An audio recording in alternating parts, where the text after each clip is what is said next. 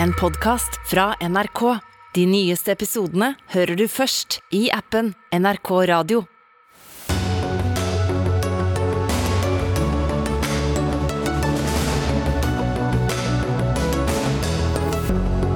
Ta styringen over strømmarkedet, maner Trond Giske. Han leder Arbeiderpartiets største lokallag, og retter kritikk mot næringslivet, som vil at regjeringen skal ta regningene for dyrere strøm. Tysklands forbundskansler Olaf Scholz møter Støre i Oslo om nettopp strømmen og gassen vår akkurat nå. Og det kan godt ende med at vår hjemlige debatt om strømprisene får noe å si for hvor mye vi skal selge til tyskerne og andre i utlandet. Ytringsfrihet, hvor mye skal vi tåle? Mer straff og flere forbud er ikke løsningen på utfordringene. Det er den helt ferske konklusjonen fra Ytringsfrihetskommisjonen.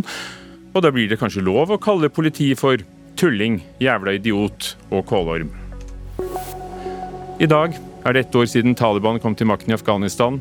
De holdt ikke løftene som de kom med da de var her i Oslo. Så hvor går veien for internasjonalt diplomati? Vi spør utenriksministeren senere i sendingen. Velkommen, dette er Dagsnytt 18 i NRK P2 og NRK1 med Ugo Fermariello i studio. Etter krav fra næringslivet om strømstøtte gjorde regjeringen det klart i dag at eh, den tar sikte på å fremme en egen sak om strømstøtte for næringslivet, senest når de skal legge frem statsbudsjettet for neste år, og det skjer i oktober. Kanskje før. Olje- og energiminister Terje Aasland fra Arbeiderpartiet hadde ikke mulighet til å delta i sendingen i dag, fordi han er på reise til Arendal. Det er der mange politikere er på vei. Det er Arendalsuka som eh, begynner. Og samtidig retter altså du, Trond Giske, leder i Nidaros sosialdemokratiske forum. Det er det største lokallaget i Arbeiderpartiet nå i en kronikk på NRK Ytring kritikk mot næringslivets hovedorganisasjon. Og du sier at det er et underlig skue når NHO krever at staten skal dekke bedriftenes økte strømregninger. Ja, Jeg sier ikke at jeg er mot å gjøre det, men det var altså NHO som var en hovedpådriver til at vi fikk de to utenlandskablene som økte eksportkapasiteten i Norge med 50 Eh, og det har jo medført at vi har fått veldig høye priser. Det har medført at NHOs medlemsbedrifter i den delen som heter Energi Norge, har fått gigantiske overskudd, milliarder av kroner, som hentes fra forbrukerne i Norge. Og Da er det i hvert fall litt paradoksalt, synes jeg da, at det samme NHO, etter å ha fått gjennomslag for politikken sin, nå krever at det er staten som skal dekke regninga for bedriftene. Eh, det kan godt hende at vi må gjøre det. Var du med på å gi dem gjennomslag for den politikken? Ja, det var vi veldig mange som var med på, men eh, jeg var skeptisk og jeg stemte mot da Arbeiderpartiet behandla ACER-saken f.eks. Eh, og har ment eh, både den gangen og nå at det at vi har billig og ren energi i Norge, er et av de viktigste konkurransefortrinnene for at vi har en industri i Norge. Eh, NHO skrev i sitt høringssvar eh, om disse utenlandskablene at eh, ja, det kan hende at det blir mindre industri, men da blir det mer vindkraft og vannkraft. Da kan vi bygge ut det. Jeg syns det er en veldig dårlig bytte å legge ned Årdal og Sunndal verk og få masse vindmøller og nye vassdrag i rør. Da syns jeg det er bedre at vi har ren og billig energi både til industrien, til bedriftene og til husholdningene. Det har vi bygd Norge på i over 100 år. Ole Erik Almlid, administrerende direktør i nettopp NHO, næringslivets hovedorganisasjon. Du er med oss fra Pollen, som det heter, ute på en flåte der vi har rigget til et eh, studio under Arendalsuka.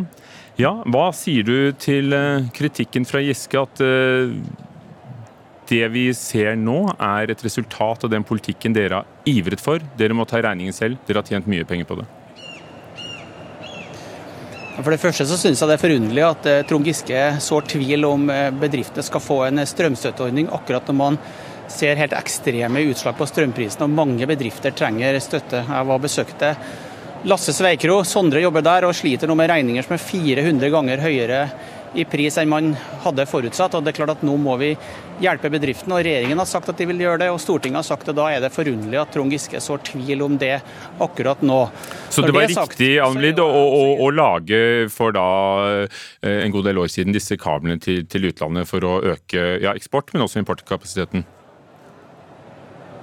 Ja, men må prøve å sortere litt. og jeg mener at en avsporing det Giske tar opp her i dag. fordi at I dag så ser vi jo hittil i år i Sør-Norge så har vi eksportert, netto eksportert 1,5 TVO. Det kan være litt vanskelig for lytteren å forstå hva det betyr, men vi totale strømforbruket i Norge er nesten opp, 10, er opp til 150 TVO. Så dette eh, å skylde på kablene er helt feil. Det har ikke påvirka prisen så mye som Giske sier. Jeg tror at vi hadde vi stengt kablene, og hvis det Giske tar til orde for, så er jo det ganske skremmende. Men hadde vi stengt disse kablene, så ville kanskje prisene ha vært 10% billigere. Det er mange andre årsaker til at det er som det er. Bl.a. har det regna lite i Sør-Norge, og i tillegg så tror jeg vi skal plassere skylda hos Putin, som da har slutta å sende gass til Europa, og dermed laga en situasjon som er helt annerledes enn vi forutser. Så jeg syns Giske farer litt med usannheter når han skylder på kablene så tydelig som han gjør. Trond Giske, 1,5 terawatt-timer i, i året, det er veldig lite i forhold til alt vi bruker? Ja, men Det er jo ikke rart at eh, det ikke blir så mye eksport. fordi at eh, Nå tvinges jo forbrukerne og bedriftene til å betale det samme for krafta i Sør-Norge som den koster, eller bortimot det samme som den koster i Tyskland. Og Da trenger jo ikke kraftselskapene å eksportere. Men hvis vi insisterer på at vi skal ha 50 øre i Norge, og du får tre kroner i Europa, så er det klart at da vil eksporten øke. Eh, og Det var jo altså i NHOs eget høringsnotat, som ikke er mange år siden, det er to år siden, da vi diskuterte eh, den eh, private utenlandskabelen som heldigvis ble stoppa, at NHO sjøl skriver at med utenlandskablene så får man mer penger for krafta. Det er bare én måte å få mer penger på krafta på, og det er jo at den blir dyrere. Men den blir dyrere for dem som kjøper i utlandet, og blir dyrere for dem som kjøper i Norge. Og jeg syns at Almli skal høre på lederen i NHO-organisasjonen, Stein Lider Hansen, som sier til Fri fagbevegelse sitat, utenlandskablene til Tyskland og England er hovedforklaringa på de høye strømprisene. Og Han sier også akkurat det som jeg er helt enig i. Energi er ikke en vare som øl, poteter eller bananer.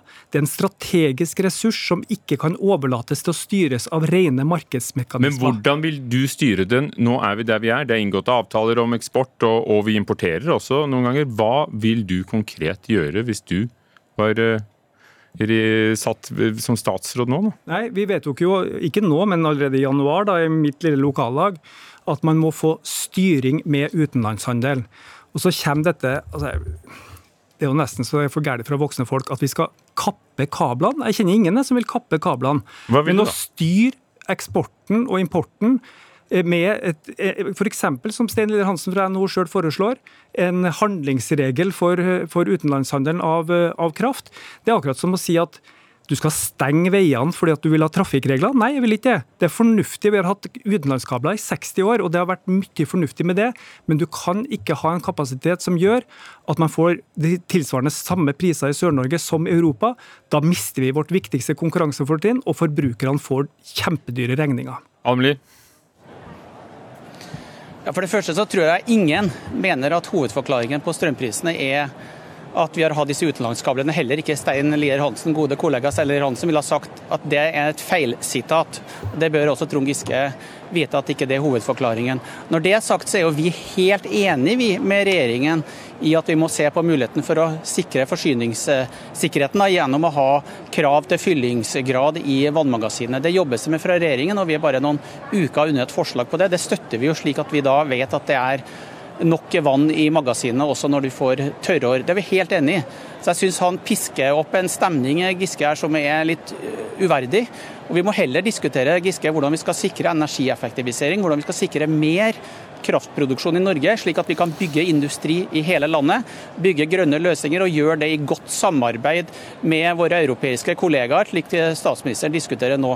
Men nå, handler jo om, eh, det, nå er du på det, på, på, det, på det, lange bildet her, eh, Ole Erik Hanlin. Eh, nå handler det jo om å redde, redde situasjonen akkurat her og nå. Ser du for deg at det kan komme reguleringer, enten du vil eller ei? Nei, Vi er helt enige i at det skal reguleres i forhold til forsyningsgrad. Det har vi jo sagt hele veien, så det må ikke skapes inntrykk av noe annet. Og Nå kommer vi til å få et forslag eh, lagt på bordet i løpet av noen uker som vi skal se på, og som vi sikkert kommer til å si ja til. Og Det er jo henhold til det både eh, våre landsforeninger og det NO har sagt. Men eh, Det er et punkt til som har kommet da i dag. og det er nemlig at Nå har da uh, regjeringen sagt at det kommer en strømstøtte. Et forslag skal legges frem senest uh, sammen med statsbudsjettet. Trond Giske, hva er din reaksjon på at de kommer med et opplegg for, for strømstøtte, og varsler det i hvert fall? Jo, altså jeg mener at det er bra at regjeringa kommer med en eh, pakke på, for, for forbrukerne. Den eh, skal styrkes. Det er bra at det kom signaler i dag også at man tenker å gjøre noe med eksporten, handelen, og få en regulering av det. Håper det går langt nok. Og det er helt sikkert bra også at det kommer en bedriftsstøtte, men bedriftsstøtte kan bare være effektivt hvis det er et midlertidig problem sånn som pandemien eller finanskrisa, da var det viktig å komme med mye penger. Hvis man nå får en situasjon hvor strømprisen varig blir høy, fordi vi er kobla med fri flyt til et europeisk marked, da vil ikke støtte til bedriftene i lengden holde. Vi kan ikke bruke milliarder kroner der som skal gå via bedriftene til kraftselskapene. Og Nå får da, vi se hvordan det blir innrettet. Jeg har bare lyst til å snakke litt forbi deg fordi vi får med en reaksjon fra Almli. Hva, hva, hva, tror du om det olje- og energiminister Terje Aasland har eh, foreslått og, og, og varslet, Almlid? Jeg er enig med Giske i at vi må finne en ordning som er midlertidig. Dette er et plaster på såret, en strømstøtte en plaster på såret. Så det vi trenger i tillegg, og det kommer til å være mer behov for framover å snakke om energieffektivisering og økt kraftproduksjon i Norge. Både når det gjelder havvind, landvind og vannkraft. og Det må vi tørre å gjøre nå. for da skal vi også dere, løse Mange av bedriftene deres tjener jo mye penger. Det er streik i prosessindustrien har gått ut i dag, og de har lange strømavtaler, så ikke nødvendigvis har dyr strøm. Er det riktig at, at eh, bedrifter som tjener gode penger, selv om det er høy strøm, skal få støtte?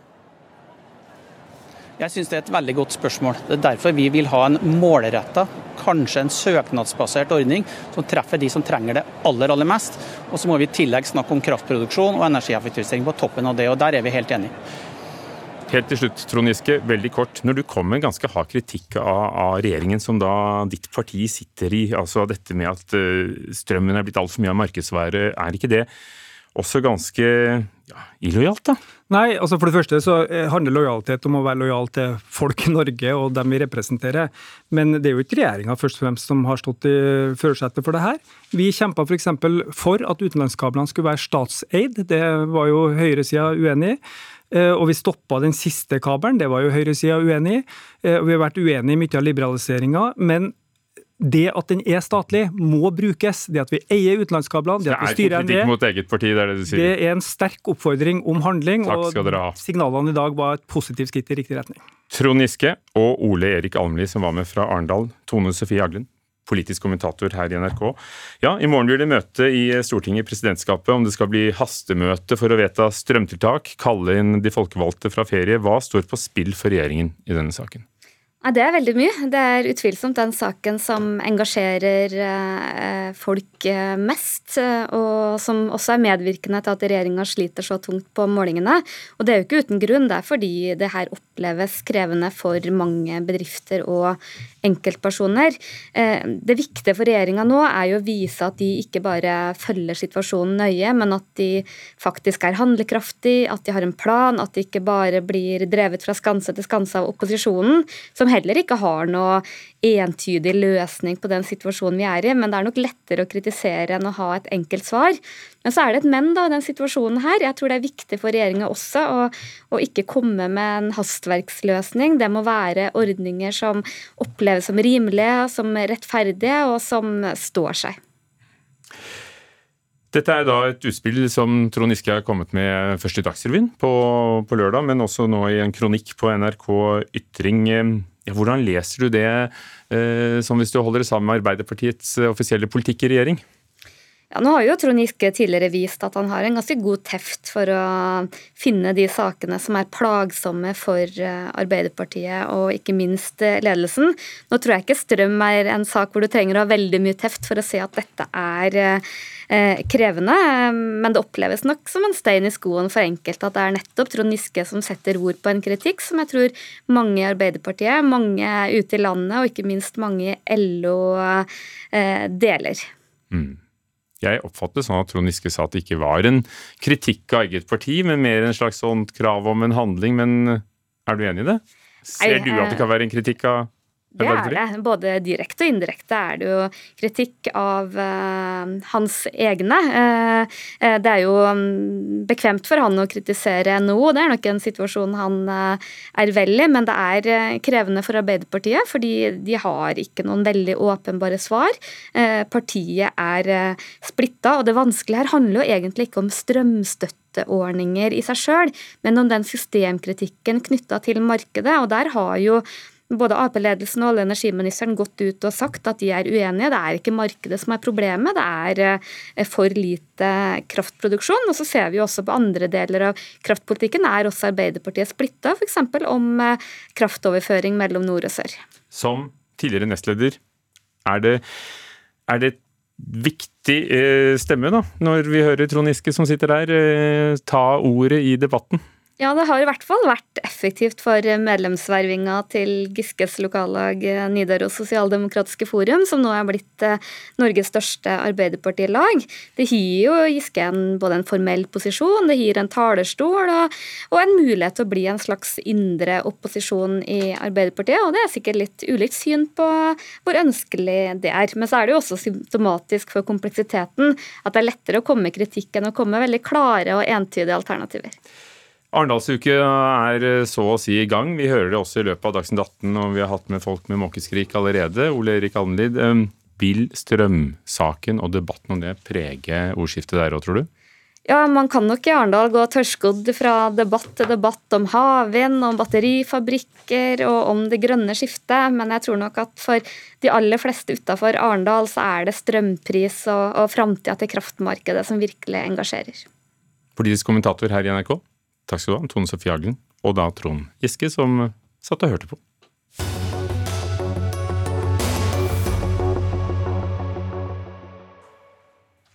Etter masseskytingen i Oslo, det var i juni, to mennesker ble drept, flere titalls skadet, har Frida Marie Grande, som også er kjent som Frida-tegner, solgt et bilde, en tegning av kongen foran en regnbue.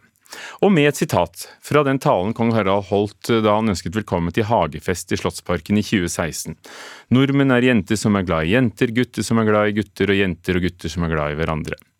Hele overskuddet fra den tegningen går til Oslo Pride. Men da Utdanningsforbundet på Stord bestemte seg for å gi dette bildet til alle skolene i nærområdet, takket Stord kristne skole nei takk. Styreleder ved Stord kristne skole, Thomas Moltu, du er med oss eh, fra, fra, Bergen. og Det er du som har å, å, gjøre med det, hva som henger på veggene i, i skolen deres. Hvorfor ønsket dere ikke denne, denne tegningen? Ja, eh, takk, Først og fremst takk for at uh, dere inviterte meg inn, og oss inn. Uh, vi fikk jo denne henvendelsen på forrige mandag fra uh, Stord, altså Utdanningsforbundet på Stord, eh, hvor de spurte om de eller de ba vel om å få lov å komme dagen etter og overlevere denne plakaten. Eh, som de da ba om skulle henge på et synlig sted på skolen. Eh, og vi takket høflig nei eh, til det, og med begrunnelse i at vi ønsket å utsmykke skolen vår sjøl, og mente at det var greit. Og, og, siden så har jo det vært stor oppmerksomhet. Eh, på hvorfor i all verden eh, en privat skole skulle få lov å utsmykke skolen sin sjøl, når eh, Utdanningsforbundet hadde lagt frem denne eller, eller, ble det oppmerksomhet på begrunnelsen? Det har jo vært en artikkel også på nrk.no. Så, så, kan jeg be deg begrunne hvorfor altså Hvis vi er enige om at alle utsmykker sine egne vegger, men hvorfor vil dere ikke ha dette bildet? Eh, begrunnelsen er akkurat sånn som jeg sier, eh, og det er det som står også i svaret til Utdanningsforbundet på Stord, eh, at vi ønsker å utsmykke skolen vår sjøl. Og det har vært svaret vårt. Og så har vi blitt spurt om vi syns pride er kontroversielt, og så svarer vi ja, det er det jo. Og vi ble spurt om fri er blitt kontroversielt, og vi svarer ja, det er det jo. Men eh, begrunnelsen vår er at vi ønsker også å utsmykke skolen vår sjøl, og vi har masse kreative elever, flinke elever, som har eh, hengt opp eh, bilder og, og Jeg syns jo faktisk de har hengt opp ting som er finere enn dette. Og, og, da tenker jeg at nei, vi har lov til å utsmykke skolen vår sjøl, og det syns vi må være greit. Frida Marie Grande, daglig leder i sosiale mediebyrået Furore, men du er altså da mest kjent som Frida-tegner på Instagram, og, og, står bak dette bildet. Eh, du har reagert på avslaget, eh, men, men, men, hvorfor? Hva er det rundt den argumentasjonen du har hørt, som opprører deg? Nei, jeg syns skoleledelsen har kommet med mange kreative forklaringer. Eh, det handlet jo først om utsmykking, som rektor begrunnet det med. Eh, og Da hørtes det ut som at det ikke var mulig å få tak i eh, de som eh, eier skolen. Det er jo hyggelig at de slutt fikk tak i styreleder. Men der er jo fortsatt begrunnelsen samme, at de vil utsmykke bygget selv. Og det står de selvfølgelig helt fritt til, men jeg syns jo at det er veldig synd at de ikke ønsker å stille seg bak budskapet, fordi det er først og fremst det jeg oppfatter at de ikke ønsker. Ja, hva, hva er budskapet? Budskapet på plakaten? Nei, Det er jo ganske enkelt og ikke så veldig kontroversielt, eh, spør du meg. At eh, gutter kan være glad i gutter, jenter kan være glad i jenter, og jenter og gutter kan være glad i hverandre. Eh, å elske er en menneskerett, og jeg hadde inderlig håpet at det var en selvfølge for alle skoler i Norge å stille seg bak det. Thomas Moltu, du, du tolker bildet ditt at det promoterer pride. Forstår jeg det rett, eh, rett der? Eh, hvilke utfordringer ser du ved å, ved å ved eventuelt motta noe slikt? Ja, altså Nå har jeg, vi valgt uh, å la være å motta det med den begrunnelsen som jeg har sagt. Uh, og så er jeg blitt spurt om pride, uh, og det er klart at bildet som når det blir tilsendt oss, så heter det 'Kongen pride'. Og vi har vel fått avklart at kongehuset ikke er blitt spurt om at de syns dette bildet var greit, så det finnes ikke noe støtte fra kongehuset på dette bildet. Eh, og, eh, men ideen bak det, altså hele seksualiseringen av en barneskole, det stiller jeg meg eh, skeptisk til.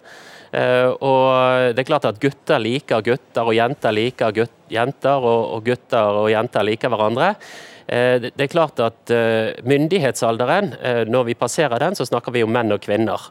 Eh, og det er klart at Dette er et seksualisert budskap. Eh, og det å henge det opp på en barneskole og sette det som det viktigste og den høyeste agendaen i en barneskole, at uh, seksualundervisningen eller det som går på sex er det viktigste på en barneskole, det syns jeg ikke noe om. Jeg, ja, og Det var jo noe av det du også sa til, til, til Vårt Land, hvis vi forstår det rett. Og, og, Frida Marie Grande, som vi hører du er også med oss fra Pollen, denne flåten vår under Arendalsuka. Når du hører dette, er du, er du enig i at dette vil da sette uh, dette budskapet som det viktigste, og at det er et element av ja, seksualisering? Jeg mener at det ikke er noen andre enn styrelederen på Stor kristne skole som seksualiserer barn i denne saken. Eh, det å ha en legning som er noe annet enn heterofil, det bør være helt greit. Og det å begynne å dra sex inn i det bør være helt unødvendig. Så når han argumenterer, så høres det jo ikke ut som at man har en seksualitet eh, før man er 18 år. Det kan jeg nå si at det har man. Eh, men man må kunne snakke om at det er mulig å være glad i forskjellige kjønn. Mange barn i Norge vokser opp i regnbuefamilier, og sånn jeg har forstått det, så mener Molte at det kanskje ikke eh, er greit eller sunt for de barna. Det syns jeg også er veldig synd.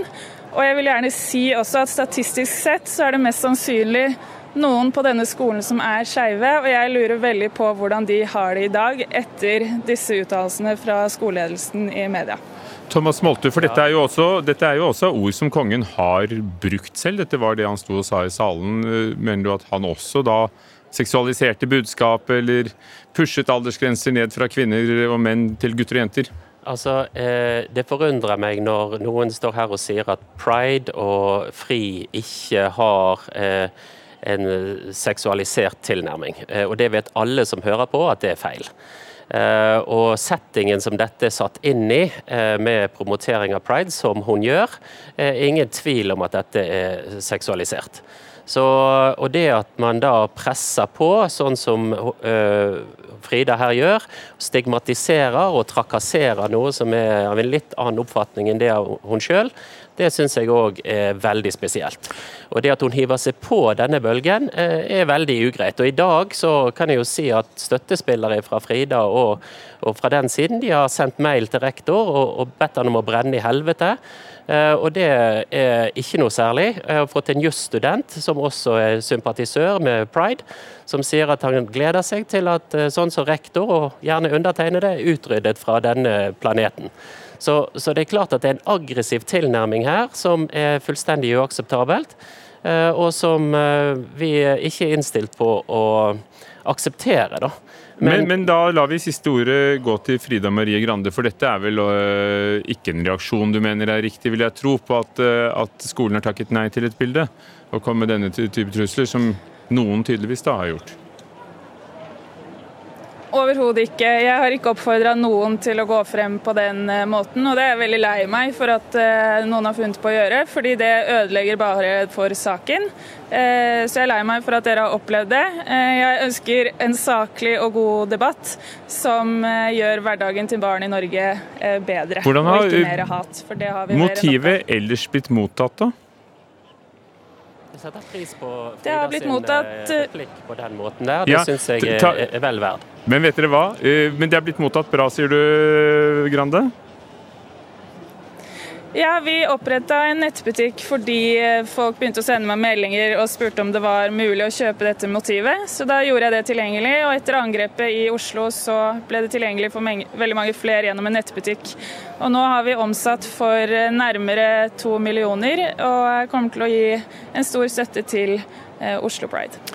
Takk skal dere ha, begge to. Jeg må si takk til dere begge to. Jeg både til deg, Thomas Moltu, selv om du gjerne vil ha ordet igjen, ved Stord kristne skole, styreleder der med oss fra Bergen, og Frida Marie Grande, Frida-tegner, kjent for noen som det, fra Arendal.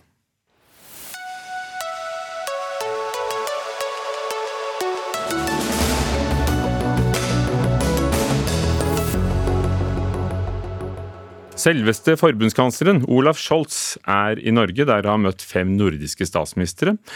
Og så skal han møte Jonas Gahr Støre og snakke om energi og forholdet mellom Tyskland og Norge. Og dette i en tid der Europa, og ikke minst Tyskland, står i en alvorlig energikrise. Og i tillegg da til det som har utløst det, nemlig sikkerhetssituasjonen og forholdet til Russland, som da selvfølgelig også står på dagsordenen. Anders Tvegård, utenriksreporter, du har fulgt dagens møter som foregår i Oslo. Hva konkret er kommet ut av, av samtalene mellom Scholz og statsministrene? Han møtte de, den nordiske familien, og her er det jo snakk om at en ny solidaritet trengs. At det kommer til å være tøft, at det kommer til å være harde avgjørelser som skal tas. Men at uh, europeisk uh, kraftutveksling uh, må til. den svenske statsministeren mente at enda flere kabler må opp og stå. den tyske forbundskansleren han har sagt at han kunne forstå det norske synet om at skulle det bli kritisk lavt nivå i Norge, så kanskje man må dempe eksporten. Men det viktigste budskapet fra de nordiske statsministrene og den tyske forbundskansleren her er at energipolitikk har også blitt sikkerhetspolitikk. Eh, nå uh, står vi utenfor Parkveien i regjeringens representasjonsbolig, og her skal Olaf Scholz og Jonas Gahr Støre ha en pressekonferanse rundt klokken 19. Og da kommer de med flere detaljer. Akkurat nå så er de på en tur i Oslofjorden i øs-pøs regnvær, hvor det er også en del lynnedslag innimellom. Så det er mye energi i lufta. Mye energi i luften i hvert fall, Anders Tvegård, og, og ikke all verdens til linje ned til eh, representasjonsboligen. Men, men, Tyskland er jo da veldig avhengig av import av kraft fra, fra Norge, ikke minst. Og, og, hvordan ser det ut for Tyskland når vi uh, hver dag har debatter som at hvert land må ta ansvar for kraftsystemet deres holder? Det var noe Støre satt i Aftenposten, og, og, andre vil, vil regulere strømmen vi sender ut. Ja, og, og eh, Scholz han sier at han kan eh, forstå at man må regulere eller at man må uh, sørge for en, en, nasjonal sikkerhet, men at kraften den går jo også begge veier. Norge har også importert strøm i perioder. vi er i samme båt, er uttrykk som er brukt. og Scholz legger vekt på at Tyskland har jobbet for å frigjøre seg, eller altså slippe å være avhengig av russisk gass. nå sier han at Eh, når de har klart det, så er jo målet å slippe å være avhengig av eh, fossilt brennstoff i det hele tatt. For i den overgangsperioden så kan det være aktuelt for Tyskland å eh, starte opp igjen kullkraftverk som var i ferd med å skrus ned, og atomkraftverk i en overgangsfase hvor igjen altså at energipolitikk har, blitt et sikkerhetsspørsmål for en umettelig tysk industri. Takk skal du ha, Anders Tvegård. Robin Allers, eh, tysklandsforsker ved Institutt for forsvarsstudier. Ja, hvordan ser det ut for Tysklands uh, energiforsyning nå? Nei, Den er i krise, som det blir beskrevet. Situasjonen er anspent. Man har begått en stor feil, anerkjennes det nå, ved å bli så avhengig av russisk energi. Kull, olje og hovedsakelig gass over mange tiår. Og under inntrykket av Ukraina-krigen må man nå kvitte seg med den avhengigheten veldig veldig raskt, på veldig kort tid. Og det er smertefullt. Eh, det betyr at man må finne alternative energikilder. Um, man må importere uh, mer fra andre land, fra gode venner som Norge. Um, man må uh, akseptere overgangsteknologier, som det heter, men også nye løsninger som flytende gass, LNG, hvor også Norge, norske bedrifter hjelper til. Og, og hjelpe Tyskland liksom komme inn i det markedet, fordi man har ikke de installasjonene fra før. Og uh, så er det, som det blir sagt her nå, um, blir det forsterket bevegelse mot fornybar energi på alle fronter. Og det siste, som også er viktig, er at Tyskland må spare strøm. Og det oppfordrer de alle andre til. Kaldt har vi hørt. Ta kalde dusjer. Ja, ja.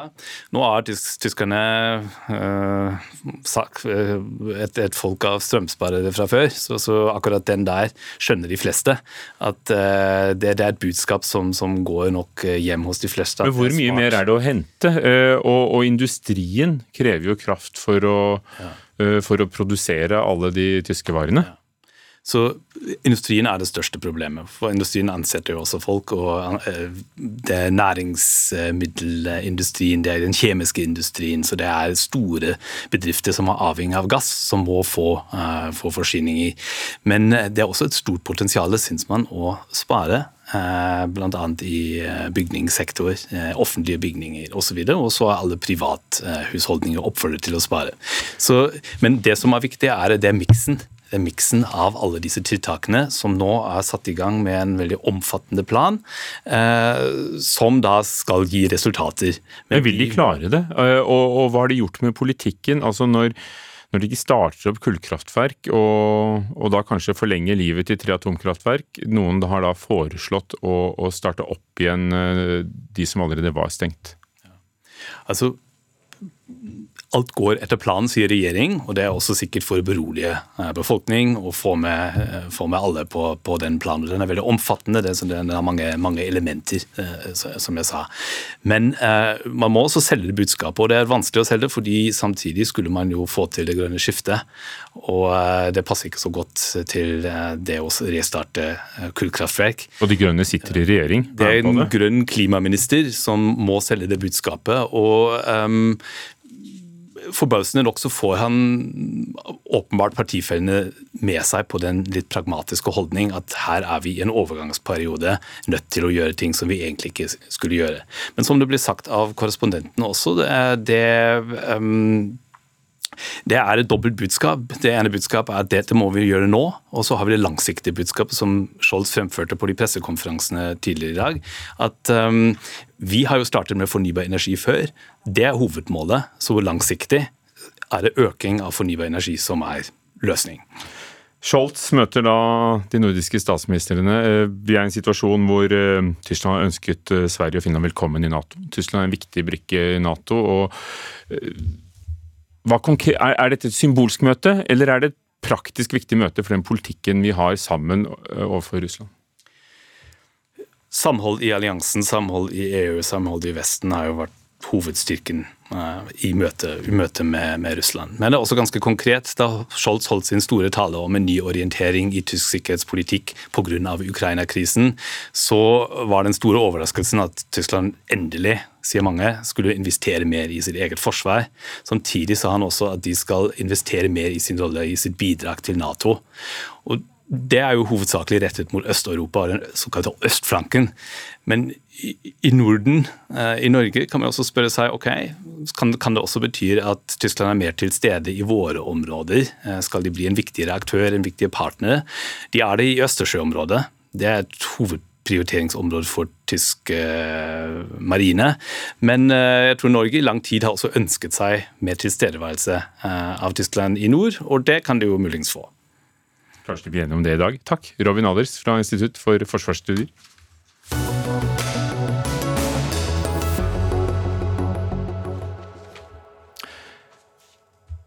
Hva er ytringsfrihet, og skal det være lov å kalle politibetjenter for eh, f.eks. tulling, jævla idiot og kålorm? For det er blitt slått ned på før.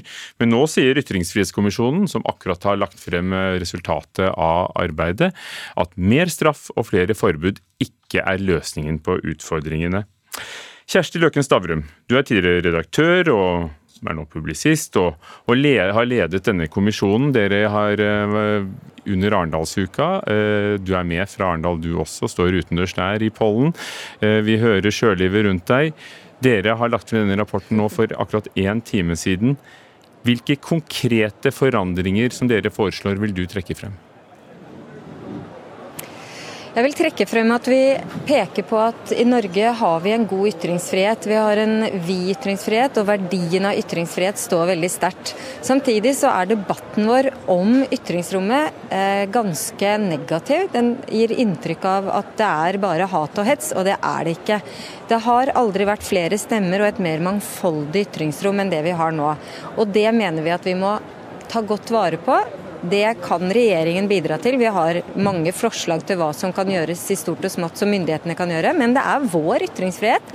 Sivilsamfunnet må høyere på banen og bidra til at flere skal føle seg trygge til å ytre seg, ikke minst arbeidstagere f.eks. Eh, og vi peker på eh, at det bør være kanskje en, en større uenighetskultur innenfor eh, kulturfeltet.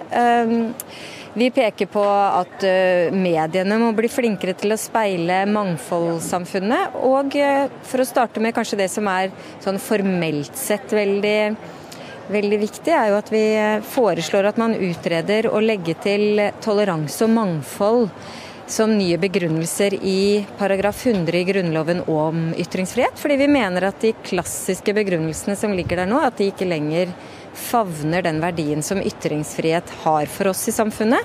Og det er at vi skal Vi må lære oss til å forstå og tåle at folk mener andre ting. Ting vi er ikke bare uenige, men som vi kanskje til og med syns er eh, ganske motbydelige og provoserende. Uh, uten å ty til vold av den grunn. Så hva legger de, dere i dette med at dere vil ha mindre straff og færre forbud?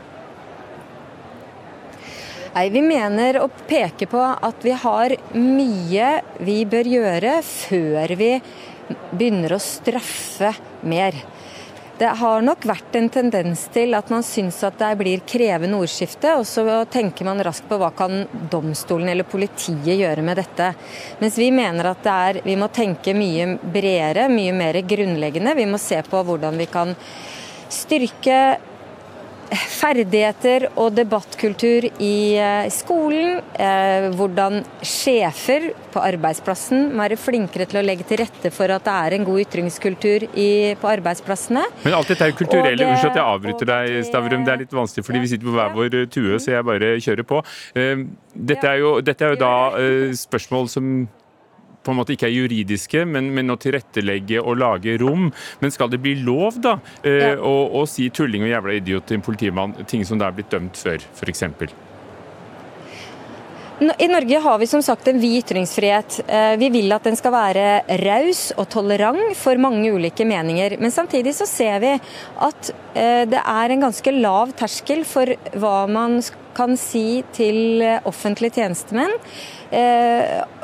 uten, og, at man da blir bøtelagt eller straffet for det. Og det mener vi ikke rimer med, eh, med ytringsrommet for øvrig, og hva vi mener at vi skal tåle. Og, og, så er det vel også sånn at vi må kunne akseptere at folk må ha, kunne gi menneskelig uttrykk for, for myndighetsutøvelse, som det jo gjerne da er eh, situasjoner som fører til at man kanskje da sier kålorm til politiet, som er et av de eksemplene vi nevner.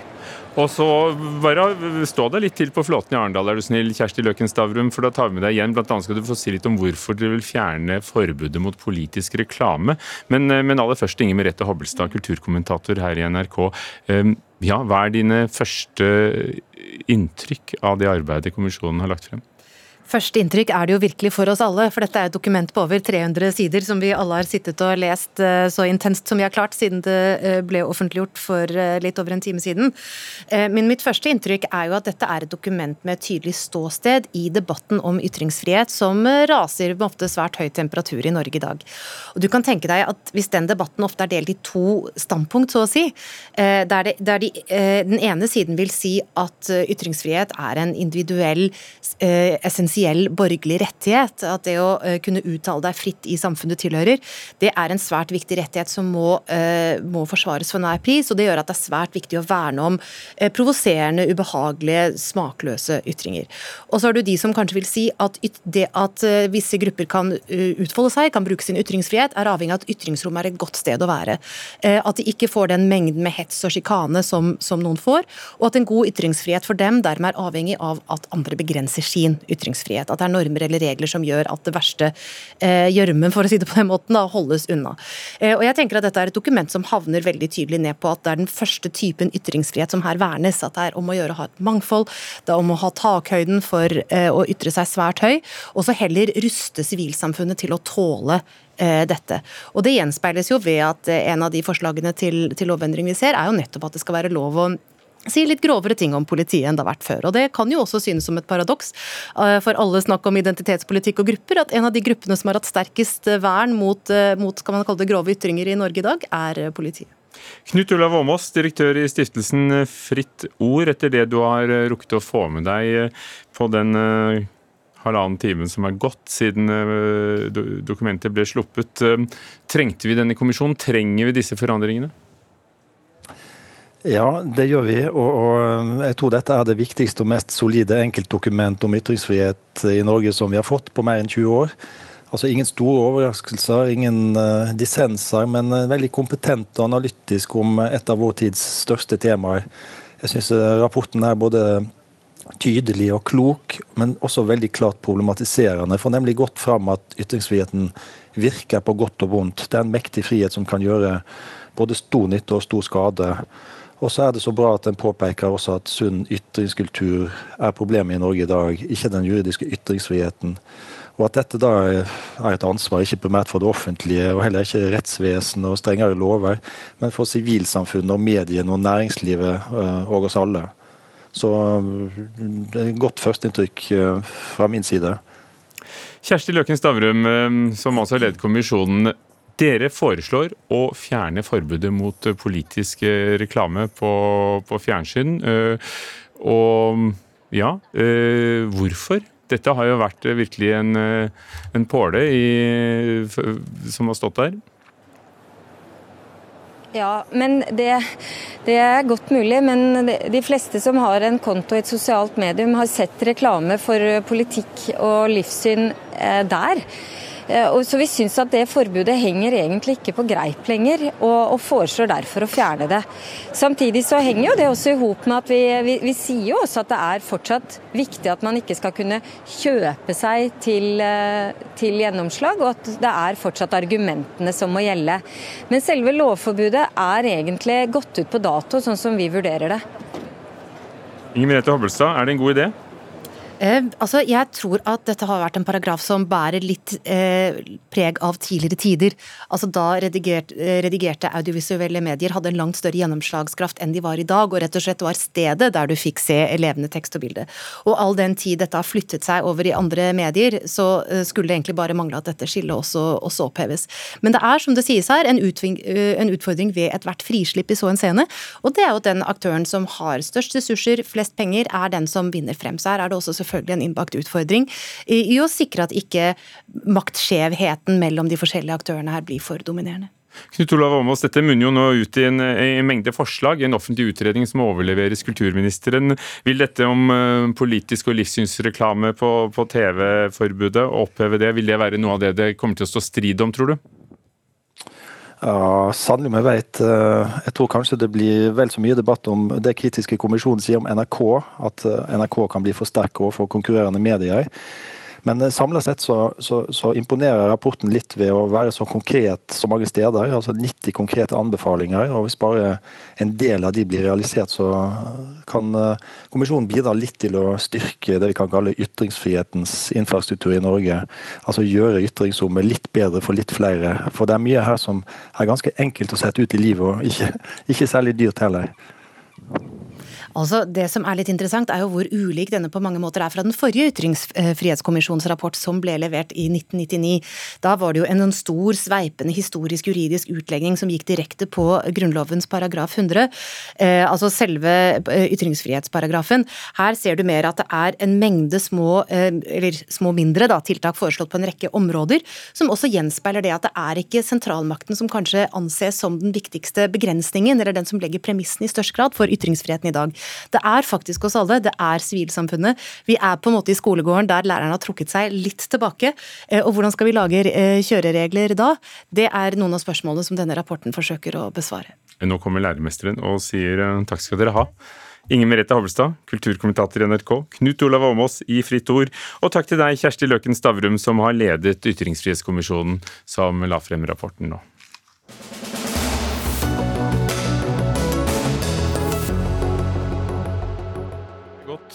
Ett år siden Taliban tok over eh, makten i Kabul etter 20 år med krig mot vestlige koalisjonsstyrker. Yama Wolasmal, vår Midtøsten-korrespondent, eh, du er på reise i Afghanistan. Du har vært der nå en stund, og dagen i dag er blitt da en offisiell merkedag. Men hvordan er den markert?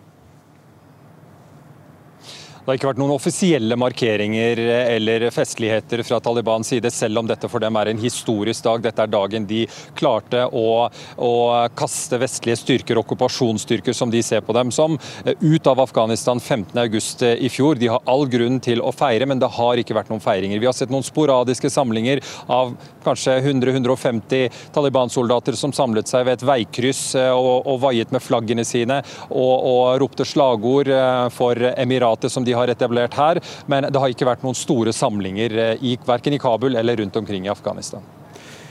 Taliban eh, sa det jo rett ut. men De, de påsto i hvert fall at de var noe annet enn det Taliban-verden eh, så for 20 år siden. Hva har de fått til, og, og hvilke løfter har de ikke holdt?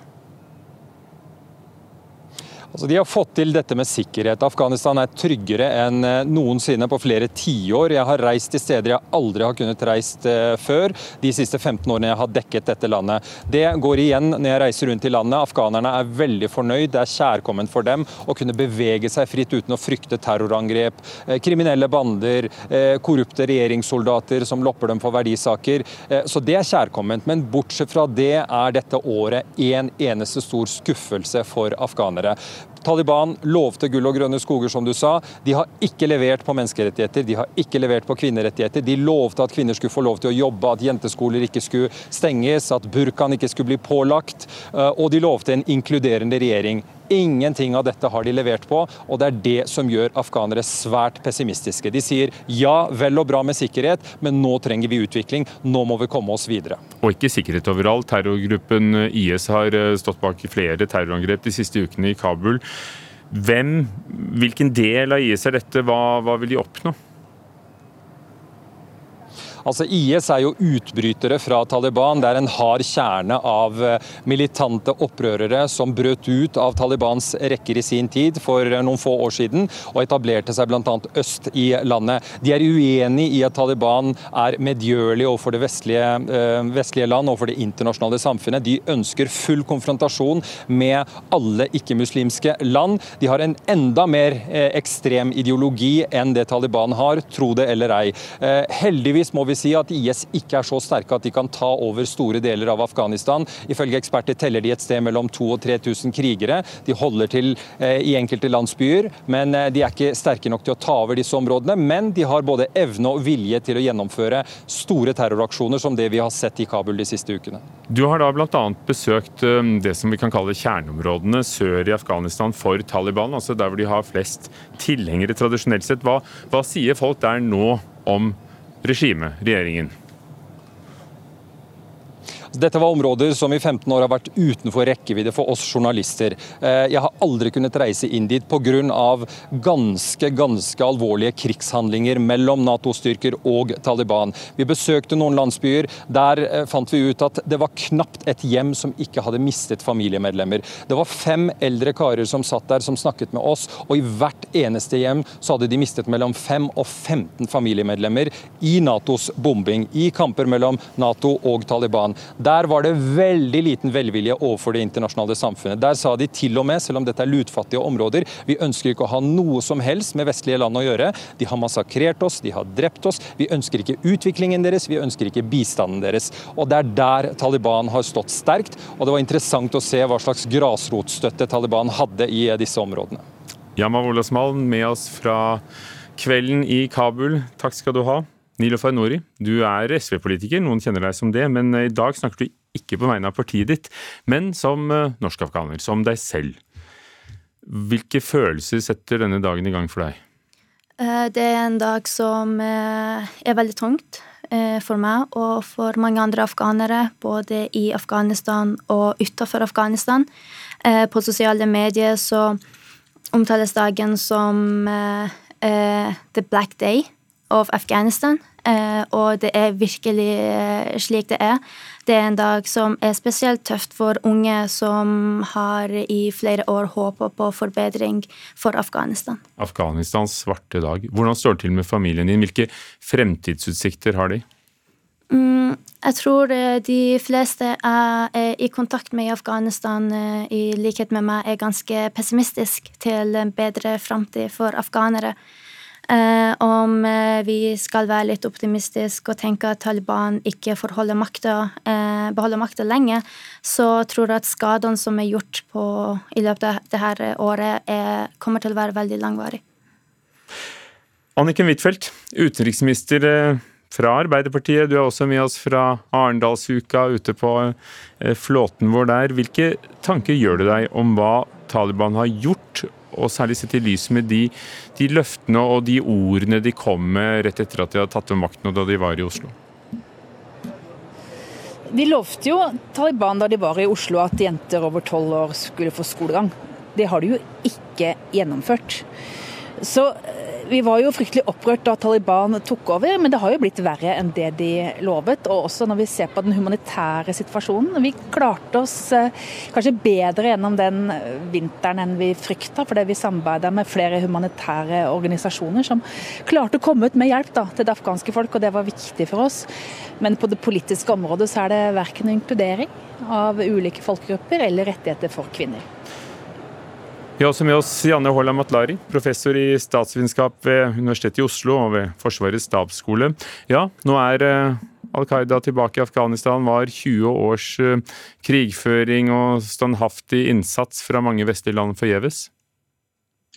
Ja, dessverre må man jo eh, faktisk si det. At uh, dette var jo en innsats hvor Norge brukte 23 milliarder og ti norske uh, falt i kamper. Eh, vi var der i 20 år. Det er jo veldig vanskelig å skulle si at dette var noe suksess på noe som helst vis.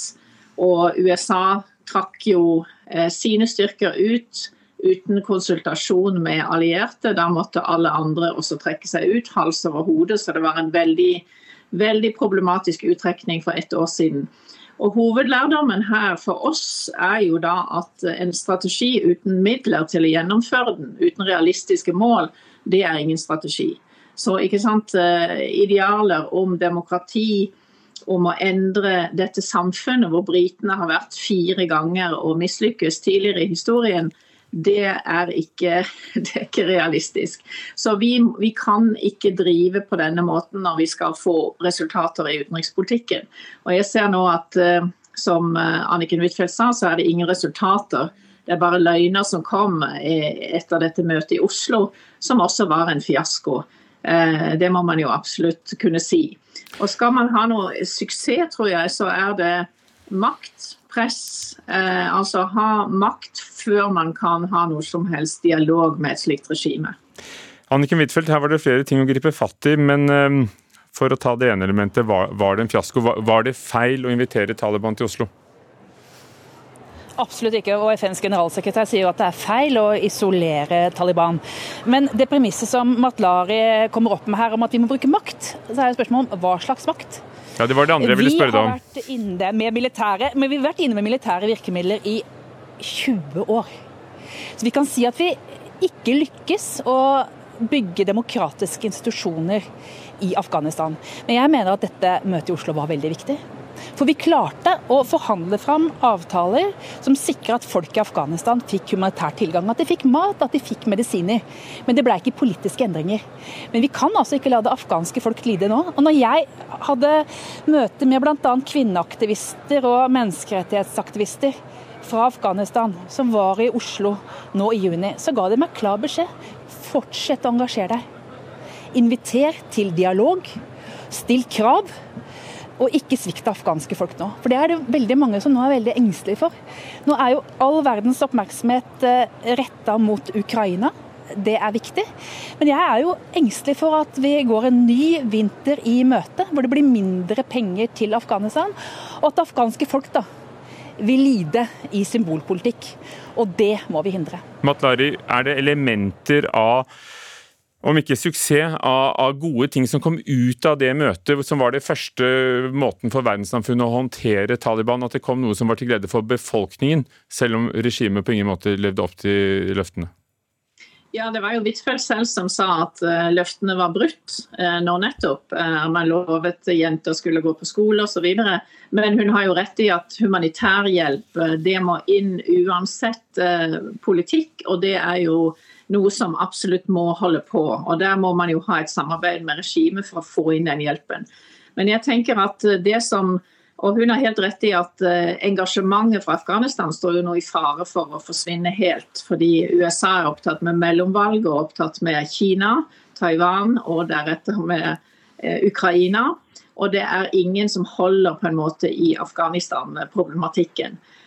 Den type makt, hun spør hva slags makt. Ja, det er jo to typer makt som eh, kan, eh, kan, være press. Det ene er jo økonomisk makt. Altså kan man legge press med økonomiske virkemidler ved å holde tilbake eller ved å ha insentiver. Det andre er eh, militærmakt. Og det er jo ingen vilje til å gå tilbake til nok en gang i Afghanistan. Men det er klart at hadde man beholdt en mindre styrke der, dvs. Si USA primært, som slo til og hjalp den afghanske hæren, som man hadde bygd opp med veldig mye trening og midler, så ville jo eh, man kunne hatt eh, en, en, sånn trykkmekanisme å sette inn. Vi har jo fremdeles Nato-soldater i Kosovo, og det er 1999 hvor vi hadde denne Kosovo-krigen. Slik at Vesten mener jeg har gjort stor, en stor feil, og da er det ikke Norge, men da er det USA ved å ikke beholde en, en, mindre styrke der. Fordi Taliban er ikke militært sett avanserte, og de har på en måte De kunne bare gå inn Men de er vel for sent nå, Matlari? Nei, det er jo aldri for sent å, å, tenke altså I øyeblikket er det for sent, men fins det en opposisjon man kan styrke, f.eks.? Og da tenker jeg selvfølgelig ikke på IS. Anniken Huitfeldt, er det økonomiske midler? Du sa i Nyhetsmorgen i dag tidlig at uh, vi bruker ikke sanksjoner, for det virker ikke. Uh, men er det flere økonomiske pressmidler som vi burde vurdere? Altså, det Vi ikke gjør, er vi samarbeider jo ikke med den uh, afghanske staten. Hvis de hadde nå innført f.eks. skolegang for jenter over tolv år, så kunne vi jo sett på skal vi bidra på ulike måter til å styrke det afghanske skolesystemet. Så vi gjør jo ikke det. Kunne, kunne så, Norge som Nato-land og du som utenriksminister tatt til orde for at Nato kunne også støttet militært, altså brukt mer makt, da? Ja, Det var det jo en diskusjon om om det var riktig å gå ut på det tidspunktet. Men det som var eh, det vi sa fra norsk side hele tiden, at vi gikk inn med amerikanerne.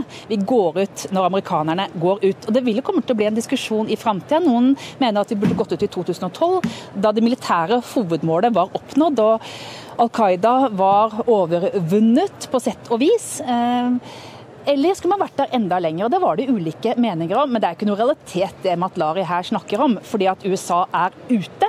Og Da må vi fortsette å snakke med Taliban for å bedre befolkningas situasjon. Ikke glemme hvordan de har det, men ikke samarbeide med myndighetene. Anniken Huitfeldt, utenriksminister, Jan Ola Matlari, professor i statsvitenskap. Og takk til deg, Nilofer Nori, som er da norsk afghaner, på denne dagen ett år etter at eh, Taliban tok over makten. Gro Arneberg var ansvarlig for Dagsnytt 18. Helje Svensson var teknisk ansvarlig. Programleder Ugo Fermariello. I morgen er vi i Arendalsuka med Sigrid Solund og Espen Aas. Du har hørt en podkast fra NRK. De nyeste episodene hører du først i appen NRK Radio.